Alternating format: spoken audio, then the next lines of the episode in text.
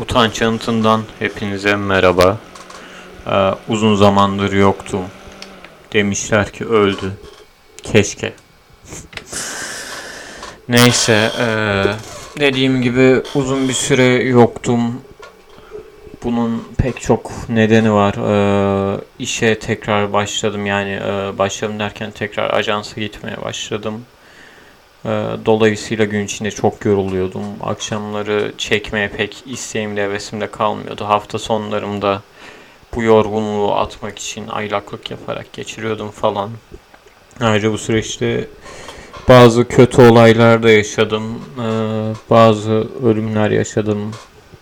Bazı başka kötü olaylar yaşadım. Neyse, e, bu bölümü yapma sebeplerimden birisi de aslında hayatın her şeye rağmen devam etmesini anlatabilmek. Ya bu kalıp hani hayat her şeye rağmen devam ediyor kalıbı kulağa çok neşeli, çok güzel bir şey gibi geliyor da aslında yani pek öyle güzel bir şey değil, pek öyle pozitif bir şey değil. Aslında çok korkunç bir şey hayatın her şeye rağmen devam etmesi ne bileyim kötü bir şey yaşamışsınızdır. Sevgiliniz sizi aldatmıştır. işinizden kovulmuşsunuzdur. Bir sevdiğiniz ölmüştür. Sakat kalmışsınızdır. Yani düşünebileceğiniz en büyük acıları düşünün. Bunu yaşamışsınızdır. Ama hayat hala her şeye rağmen devam ediyordur yani. Siz ne kadar acı çekerseniz çekin. Dışarıda güneş doğmaya devam edecek. Bazı insanlar, pardon başka insanlar mutlu olmaya devam edecek Başka insanlar acı çekmeye devam edecek. Başka insanların sizden beklentileri devam edecek. Yani edecek. Çünkü hayat her şeye rağmen devam ediyor. Yani çektiğiniz acı da bu süreçte sadece sizi ilgilendirir. Eğer çok şanslıysanız sevdiğiniz birkaç kişiyi de ilgilendirir. Yani sevdiğiniz kişilerin acı çekmesini kastetmiyorum. Bu biraz bencilce oluyor da yani. Acı çektiğinizi bilen ve buna uygun davranan insanların çevrenizde olması çok değerli bir şey ve insan acı çekerken şey de yapmak istiyor. Yani dünyanın bir kapatma tuşu olmasını istiyor. Ne bileyim şu tuşa basayım hayat biraz dursun benden hiçbir beklenti olmasın diğer insanların eğlendiğini görmeyeyim ben acımı biraz daha kabullendiğimde, biraz daha sindirdiğimde tuşa basayım devam etsin. Yani böyle bir şeyi çok ister her acı çeken insan ama maalesef mümkün değil. Çünkü hayat her şeye rağmen devam ediyor. Neyse e, biraz ölüm üzerine düşünün bu süreçte. Açıkçası bir ölümden sonraki yaşama inanmıyorum. Bu da ölümü benim gözümde aslında korkutucu bir şey haline getiriyor. Ama ölüm üzerine düşünce biraz şunu fark ettim. Ölümden önceki yaşam ölümden sonrasından daha önemli. Hani ölene kadar yaşadıklarınız ne bileyim ölene kadar mutlu olabildiniz mi? Hayallerinize ne ölçüde kavuştunuz ya da öldüğünüz durumda e, ne kadar mutluydunuz? Bunlar daha önemli bence ölümden sonraki bir yaşam olmamasının karanlığından. Daha önemli şeyler. Yani e, eğer o güne kadar güzel bir yaşamınız olduysa gerçi yaşam ne kadar güzel olabilir o da tartışılır da hani o güne kadar ki yaşamınızdan ne kadar memnunsanız, e, ne kadar yolunda gittiyse ya da öldüğünüz anda ne kadar mutluysanız ölümde değerini bu ölçüde kaybediyor. Ne bileyim mutsuz bir biçimde ölmek, hiçbir şeyini tamamlayamamış bir biçimde ölmek daha acı bir şey.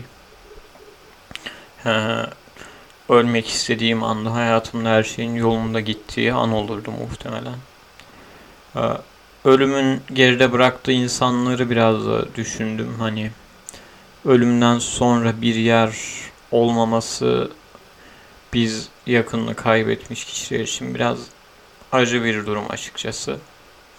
Hani o kişinin bir daha var olmayacak olmasını bilmek, e, o kişiyle bir daha hiçbir zaman karşılaşamayacağımızı bilmek üzüyor.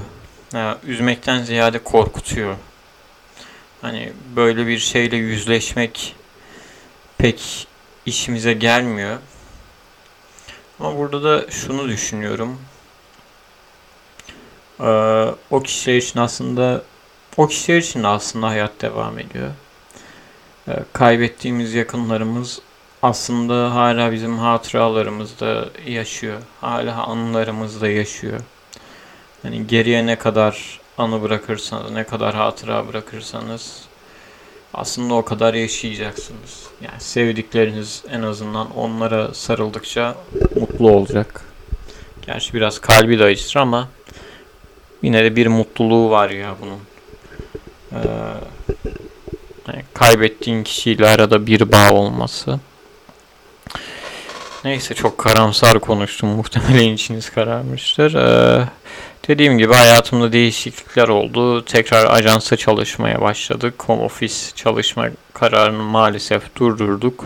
Gerçi pandemi devam ediyor ama biz durdurduk. Ee, ben ajansa geçtiğimde kendimle ilgili bir şey farkına farkına varmadım aslında. Bir şey hatırladım. O da şu sosyal fobim olduğunu ben tekrar hatırladım. Yani e, insanlarla iletişim kurmanın aslında benim için zor olduğunu tekrar hatırladım. E, sosyal fobisi olmayan, beni dinleyen normal insanlar için e, sosyal fobiyi kısaca anlatayım. E, mesela arkadaşlarınızla ya da yeni tanıştığınız insanlarla bir masada oturduğunuzu düşünün. Ortamda çok güzel bir muhabbet döner. Buna dahil olmak istersiniz. Aklınıza tam durum uygun bir cümle gelir. Cümleyi iyice analiz edersiniz. Eksiklerini kapatırsınız. Yerine göre değiştirirsiniz. Ekleme yaparsınız. Çıkarma yaparsınız. Kısaca cümleyi tekrar tekrar kurgularsınız. Sonunda söyleyeceğiniz cümleye karar verirsiniz. Hani kalbiniz küt küt atarken muhabbete dahil olabileceğiniz, o mükemmel cümleyi söyleyebileceğiniz bir boşluk ararsınız. Mini bir sessizlik anı beklersiniz. Nihayetinde e, o sessizlik anını bulursunuz. Tam cümleyi söylemeden söyledikten sonra yaşanacakları böyle kafanızda kurgularsınız. E, ulan herkes benim çok zeki olduğumu düşünecek ne bileyim herkes çok sevecek söyleyeceğim şey gibisinden kafanızda kurgularsınız. Lafa girersiniz ama sesiniz osuruk gibi çıkar. Şöyle diyeyim. Hani böyle çıkar sesiniz. Bu biraz tabii modunuzu biraz düşürür. Ee, ardından bir süre sonra toparlarsınız. Söyleyeceğinizi söylersiniz ve reaksiyon almak için insanların yüzüne bakarsınız. Lakin herkes sadece mal mal sizin suratınıza bakar. Ne dedi lan bu der gibi sizin suratınıza bakar. Ve bu 3-4 saniyelik bakıştan sonra siz hiçbir şey söylememişsiniz gibi hiç var olmamışsınız gibi kendi muhabbetlerine devam ederler. Yani sosyal fobi böyle bir şey ve bunu sürekli yaşadığınızı düşünün. Ee, ya sosyal fobi biraz da şey gibi aslında e, sevgilisizlik gibi. Hani sevgilisiz insanlar bilir. E, sevgilisiz derken uzun zamandır sevgilisiz olan insanlar bilir. Bu durumdan çıkmayı ne kadar çok isterseniz o kadar beceremiyorsunuz. Yani sosyal fobiden de ne kadar kurtulmayı isterseniz o kadar beceremiyorsunuz. Mesela bir kuzenim vardı. Bu çocukla her karşılaştığımda ne yapıyorsun dediğimde bir kızı ayarlamaya çalışıyordu. Bir şekilde biriyle sevgili olmaya çalışıyordu. Bu yaşına geldi. Hala bir haftanın uzun süren ilişkisi olmadı diye düşünüyorum. Yani e, sosyal fobiyi daha iyi anlamanız için bu örneği verdim. Ve ben şeyi de düşündüm. Acaba bende neden sosyal fobi var? Kökenleri neye dayanıyor? Bunu uzun uzun düşündüm. Eski anılarımı gözlemledim. Buna neler neden olabilmiş? Onu iyice analiz ettim. Tekrar her şeyi hatırladım çocukluğumdan itibaren ve şuna karar verdim. Ben ilkokulda en yakın arkadaşımı sıçarken görmüştüm. Muhtemelen bendeki sosyal fobinin nedeni de bu. Aa, olayı anlatayım ilkokuldayken e, okuldaydım tabi. Tuvalete girecektim. E, hurra diye böyle koştum tuvalete. Sonra bir kapıyı çalmadan lak diye kapıyı açtım. Ve karşımda Alaturka tuvalete oturmuş sıçan en yakın arkadaşım vardı. İsmi Enes'ti bu arada. Çocukla bir göz göze geldik. Önce tabii boydan boya bir süzdüm ki zaten çömeldiği için pek uzun sürmedi boydan boya süzmem. Sonra bir göz göze geldik. Bir sessizlik oldu. Sonra bana olabilecek en sakin ses tonuyla dedi ki Abdiciğim bir dahaki sefere kapıyı çalarak girsen müsait olmayabiliriz hani daha iyi olur gibisinden çok sakin bir ses tonuyla durumu açıkladı, izah etti. Ha tamam o zaman dedim. Kapıyı kapattım. Ondan sonraki bir iki gün konuşmadık. Sonuçta gerçekten sıçarken görmüştüm. Ve bu anı biraz kafamda soğuyana kadar konuşmamıştık. Karşılıklı bir şeydi bu. Neyse e, tam bu anıyı atlatıyordum ben. Çocuğa baktığımda o sıçarkenki hali gözlerimin önüne gelmemeye başlamıştı. Bir gün müdür sabah hepimizi toplamıştı bize işte konuşma yapıyor. Tabi bizden şikayet ediyor. Sonra sordu sizin eklemek isteyeceğiniz bir şey var mı? Ve Enes parmak kaldırdı. Hocam ben bir şey söyleyebilir miyim? Buyur dedi söyle dedi. Çünkü normalde o durumda hiçbir öğrenci bir şey söylemez. Bir şey söylüyorsa gerçekten ciddi bir sorun vardır. Enes dedi ki Hocam biz tuvaletteyken bazı arkadaşlar hurra diye içeri giriyor. Hiç kapı çalma adeti yok. Saygı yok. içeride biri vardır diye düşünme yok. Yani bu çok yanlış bir şey. Böyle bir şey olmamalı diye. Bana olan sakinliğin tam tersi bir öfkeyle bunları söyledi. Orada ben biraz alındım açıkçası. Hani beni kastediyor. Yani benden bahsediyor. Herkes Enes'e orada gülerken aslında bana gülüyor. Enes benden bu kadar rahatsız ve bunu büyük bir topluluk ortasında söylüyor. Alındım yani açıkçası. Lan dedim altı üstü sıçarken gördük. Bu kadar rencide etmeye gerek var mıydı gibi. Sonrasında müdür işte şeyde böyle terbiyesizlik olmaz. Dikkat edin falan yani. Genel geçer klasik şeyleri söyledi. O günden sonra insanlarla ilişkilerimde biraz çekingenlik, biraz içe dönüklük geldiğini hissettim. Gerçi bununla alakası olmayabilir aslında şimdi düşünün yani. Bayağı tırs bir yanıymış yani. Tam ne bileyim erkek bedenine karşı bir iğrenme getirebilir bu ana ama sosyal fobiye yol açar mı onu bilemiyorum. Neyse. Enes de zaten son hatırladığımda polis olmuş ve FETÖ'den içeri alınmıştı. Neyse bu da böyle bir yana. Ee, sosyal fobiden dediğim gibi ben çok çektim. Bunun için verilen mükemmel bir tavsiye var sosyal fobili olan insanlara. Abi biraz cesur oluyor. Abi biraz özgüvenli oluyor falan diyorlar. Gerçekten güzel bir tavsiye. Gerçekten işe yarıyor. Mesela hmm, kanser bir tanıdığımız vardı. Akciğer kanseriydi. Onu da şey demiştim ben. Abi yani biraz nefes al ya biraz kullan ciğerlerini bak güzel bir şey demiştim. Onda işe yaramıştı. Ben de deneyeyim dedim e, bu tavsiye yani sonuçta yabancıların bir deyimi vardır. Fake, fake it till you make it diye. Deneyeyim dedim. Bir süre özgüvenli bir yavşak gibi davranmaya başladım. Ne bileyim yeni tanıdığım ya da hiç tanımadığım birine yaklaşıp ne haber abi ya falan diyordum. Tabii o sırada içimden bir ses de bana amına kodumun sala, amına kodumun aptalı falan diye hakaretler ediyor. Neyse sancılı bir süreçti. Bir sürede sürdü bu süreç. Ee, acı bir olayla sonlandı tabii bu. Bu olayı da kısaca anlatayım.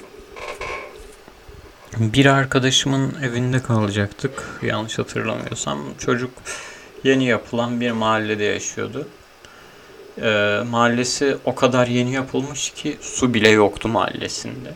Hani sular ikide bir kesilir.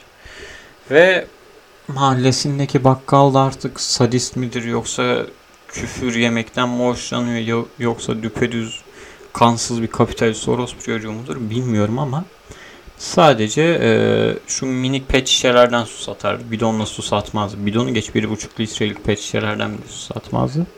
Dolayısıyla oraya giden dolmuşlar aynı zamanda su da taşırdı oradaki insanlara. Neyse e, dolmuşa binmiştik. Gidiyoruz. e, son durağa geldik ki zaten mahallede tek durak vardı ve o tek durakta son duraktı. Tam minibüse inerken şoför bana seslendi işte dedi e, şuradaki suyu karşıdan gelen bayana verir misin? İyi dedim suyu aldım sonra karşıdan gelen bayanı aramaya başladım minibüsün içindeyken baktım karşıdan e, full makyajlı bayağı özenerek giyinmiş ne bileyim saçlarını yapmış güneş gözlüklü havalı havalı yürüyen bir kız geliyor. Hani başka da bir bayan zaten gözüme çarpmadı o sırada. Hani şoförün de kadın ya da kız diye belirtmesinden e, çekinerek bayan demesinden anladığım kadarıyla da bunu kastediyordu. Sonuçta cinsel yaşamı var imasını bu insana yapamazdı herhalde ya da cinsel birliktelik yaşamış imasını bu insana yapamazdı ayıp sandığından dolayı neyse. Aldım ben suyu kucağıma 5 litrelik bidondu. Kıza doğru yaklaşıyorum. Tam karşı karşıya geldik. Hiçbir şey demedim. Kıza bidonu uzattım. Hani almasını bekliyorum. Çünkü havada çok sıcak. Bir şey diyecek durumda bile değilim. Kız bir baktı bana sonra yolunu değiştirdi. ilerlemeye devam etti. Ulan acaba suyu benden mi beklemiyordu? İlla şoförden mi alması gerekiyor? Otorite o kadar mı itimat ediyor diye düşündüm. Neyse tekrar kızın yolunu kestim ama bu sefer sessiz kalmamaya kararlıydım. Kıza bidonu uzattım. Böyle pis pis de sırıttım. Hadi hadi iyisin ya benim sayemde götünü yıkayacaksın der gibi. Hı, falan da yaptım böyle uzatırken. Sonra kız durdu bir. Güneş gözlüğünü böyle aşağı indirdi. Bana bir baktı. Ama böyle boka bakar gibi baktı. Tekrar beni geçti. Minibüse doğru ilerledi. Lan dedim sorun ne acaba ben mi yanlış uzattım suyu yanlış mı anladı diye düşündüm. Arkamdan bir ses duydum. Yavrum o su benimdi diyen bir ses duydum. Arkamı döndüğümde bir el boyunda. Başörtülü hafif tombik bir teyze vardı. Suyu benden istiyordum. Eğer ben suyunu arayan bayanları karıştırmıştım. E yanlış bayana suyu ikram etmiştim. O gün işte içimde dediğim gibi bir şeyler kırılmıştı. Ee, hani ulan yapamıyorum bu özgüvenli gibi davranmayı diye düşünmüştüm. Ve içimde gerçekten bir şeyler kırılmıştı ve kendim olmaya karar vermiştim. Ee, benim aslında lisedeyken bu kadar yoğun değil sosyal fobim. Ne bileyim insanlarla daha rahat iletişim kuruyordum. Daha rahat konuşuyordum. Pek çekingem yoktu ya da e, konuşmadan önce çok fazla düşünmüyordum. Bu da şeyde lisedeyken kırılma anını hatırlıyorum. Aa, bir saniye biraz toparlamam gerekiyor. Uzun zamandır podcast yapmadığım için aralarda böyle sıkıcı duraklamalar olabiliyor. Her neyse. Aa, ben lisedeyken metalciydim ama iğrenç bir metalciydim. Ne bileyim içinde gitar solosu olmayan şarkı çöptür. Brutal vokal yapmıyorsa popa kaymıştır. Ya böyle saçma sapan ampır ampır fikirlerim vardı kısaca. Neyse e, ve çevremde hiç metal dinleyen kimse de yoktu. Ama ergen ve metalci olduğum için insanlar deli gibi metal muhabbeti yapmak istiyor ama bırak metal dinlemeyi. Metal diye bir müziğin varlığından haberdar olan kimse yoktu çevremde. Hani ben de bu açlığımı şeyle gidermeye çalışıyordum. Ay Haluk Levent'in son şarkısını dinledim. Riffleri muazzamdı falan diyorum. Ya da Hayko Cepkin iyi bir brutal yapıyor aslında falan diye böyle saçma sapan benim bile inanmadığım muhabbetler kurmaya çalışıyordum. Tabii karşımdakiler ne diyor bu amına kolum gerizekası deyip takmıyordu beni. Neyse baya yalnız bir ergenlik geçiyordum lisede bu anlamda. Okula yeni bir İngilizce öğretmen atanmıştı. Kadın ilk atan, kadının ilk atanmasıydı sanırsam. İlk derste bizden kendimizi tanıtmamızı istedi. İşte nelerden hoşlanırsınız, isminiz ne, ne tür müzik dinlersiniz falan demişti. Neyse herkes kendini kısaca tanıttı. Ee, sıra bana geldi. Şey demiştim. Metal dinliyorum demiştim. Hoca bir durdu. Aa ne güzel ben de dinliyorum. Kimleri dinliyorsun demişti. Ömür boyu ben aslında bu muhabbeti beklemiştim ki ömür dediğim de 17 yaşındayım. Yani 17 senedir beklediğim bir muhabbet gibi gelmişti o bana. O yüzden doğru cevabı vermeyi düşündüm. Daha doğrusu istedim. Hani ulan kimi söylesem diye içimden geçirdim. Ne bileyim Obituary falan desem abi çok klişe. Cannibal Corpse desem yok son albümlerinde batmıştı. Ee, ne bileyim Dead desem yani iyi de herkesin aklına gelir. Metallica, Iron Maiden falan zaten pop dinleyenler bile biliyor derken baya bir iç muhasebesi yaptım kafamda. Baktım hoca bana bakıyor yani cevap bekliyor. Ee diyor. An verilebilecek en kötü cevabı verdim ve dedim ki hepsini. Hangi grupları dinliyorsun? Hepsini. Hoca bir baktı bana şu boka bakan ve bir türlü suyu kabul etmeyen bayanın baktığı gibi bir baktı bana. Ve o an yine içimde bir şeylerin kırıldığını hissettim. Abi sosyal ilişkileri, sosyal iletişimleri beceremiyorum herhalde diye düşündüm. Ve içimden gerçekten bir şeyler kırılmıştı ama bunun güzel bir faydası olmuştu. O günden sonra kimseyle metal müzik muhabbeti yapmaya çalışmadım. Yani en azından benim için olmasa da çevremdekiler için olumlu bir adımdı. Yani demek ki bir şey sizin için kötüyse başkaları için iyi olabilir. Hatta büyük bir çoğunluk için iyi olabilir. O kadar karamsar olmamakta fayda var. Neyse. Kötü bir bölüm oldu muhtemelen. Farkındayım. Ee, ama uzun zamandır yapmadım. Ve nasıl yapacağımı unuttum açıkçası. Neyse şimdilik hoşçakalın. Bir dahaki bölümde görüşmek üzere. Hadi bay bay.